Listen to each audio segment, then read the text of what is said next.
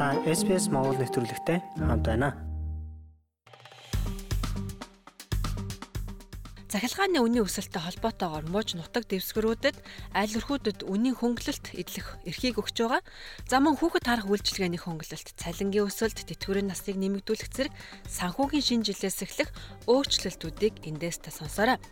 Таны халаас нь нөлөөлөх олон өөрчлөлтүүд гарч ирж байна. Ингээд эхнээс нь нэрлээд тайлбарлаж явъя.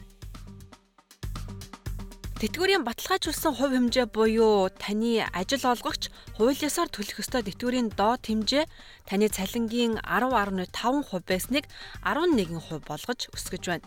Энэ бол мэдээж TFN-аар ажилладаг хүмүүст хамааралтай. За өмнө нь өндөр настай австралчууд 200 мянган долларыг татваргүйгээр тэтгэврт гаргахтаа орлогодоо шилжүүлэн авах боломжтой байсан бол энэ хэмжээг 1.7 саяас 1.9 сая болгон өсгөж байна.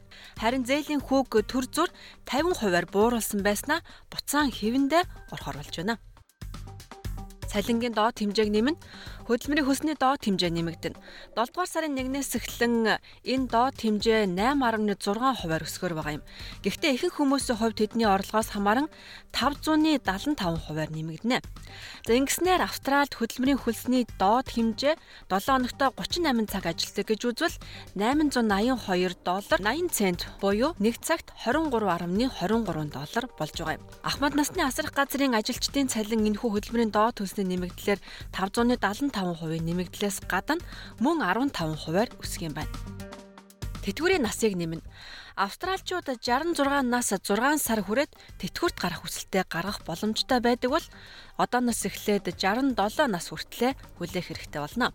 Хамтын нөхөрлөлийн орнуудын ахмадын эрүүл мэндийн карт авахд ч мөн 67 нас хүрсэн байхыг шаард гаргалжээ. Хүүхэд асрах үйлчилгээний татаасыг нэмэгдүүллээ. Жилдээ 80 мянган доллараас бага орлоготой гэр бүлүүдэд хүүхдэд хүүхэд асрах цэцэрлэг child care-т явуулсан тохиолдолд үйлчилгээнийхээ 90 хүртэлх хувийг улсаар төлөвлөх боломжтой байдаг. За тэгвэл энэхүү татаас авах хэрэгтэй хүмүүсийн өрхийн орлогын дээд хэмжээг нэмсэн байна. Ингээд ойролцоогоор 344 мянган доллар байсныг 530 мянган долларын орлоготой бол хүүхэд харах үйлчилгээндээ тодорхой хувийн татаас эдлэх боломжтой болж байна захилгааны төлбөрийн хөнгөлөлтийг өгнө. 7 дугаар сарын 1-ээс эхлэн захилгааны анхны үн зарим мужуудад нэмэгдэж байгаа. Тодорхойлбол New South Wales өмнөд Австрал болон зүүн өмнөд Queensland-ийн захилгааны үндсэн үн нэмэгдэх юм. За үүнтэй зэрэгцээд муж бүс нутгуудтай хамтран холбооны засгийн газраас үзүүлдэг эрчим хүчний тусламжийн хэмжээг нэмж байна. Зарим мужид шинээр тусламж үзүүлэхээр болж байна. Queensland-ийн эмзэг бүлгийн өрхүүд захилгааны төлбөрийн 1072 долларын тусламж авах боломжтой. Үүний 700 долларыг амжиргааны зардал бөгөөд талыг нь хамтын нөхөрлөлийн эрчим хүчний төлбөрийн тусламжийн сангаас санхүүжүүлэх юм байна. За мөн Квинслендийн цахилгаан эрчим хүчний хөнгөлөлтийн системийн дагуу 372 долларын хөнгөлөлт орно. За ингээд нийт 1072 долларын хөнгөлөлтийг эмзэг бүлгийнхэн авна. Харин Квинслендийн бусад өрхүүд 550 долларын хөнгөлөлт эдлэх юм байна.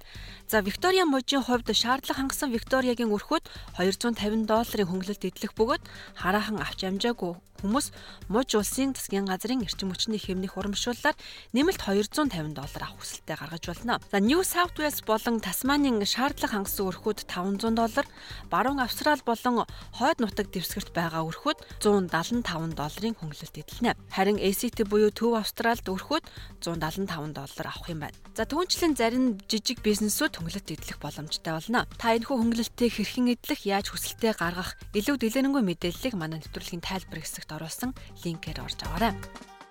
За эцэг эхийн цалинтай чөлөөнд бас өөрчлөлт оруулж байна.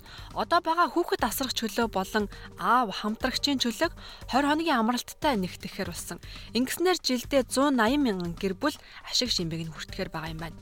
За энэ нь юу гэсэн үг вэ гэвэл эцэг эхийн айл нэг нь эхлээд хүүхэд харах чөлөө авах хүсэлтэд гаргах боломжтой болно. Ингэснээр хэд хэдэн удаа энэ эрхийг авах боломжтой болно гэсэн үг юм. За ганц бие эцэг эхчүүд 20 хоногийн бүрэн эрхийг авах боломжтой.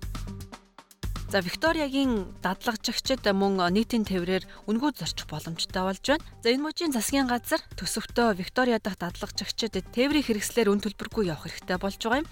Ингэснээр тэд жилдээ 865 доллар хэмнэн гэж үзэж байгаа юм байна.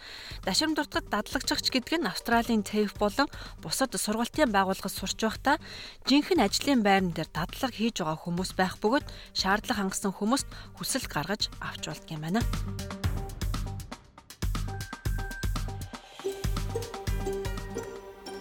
Австрали улсад байгаа бусад монголчуудтайгаа холбогдоорой. SBS.com-ийг юу урагшаа зураас Mongolian хуудасаар зочлоорой.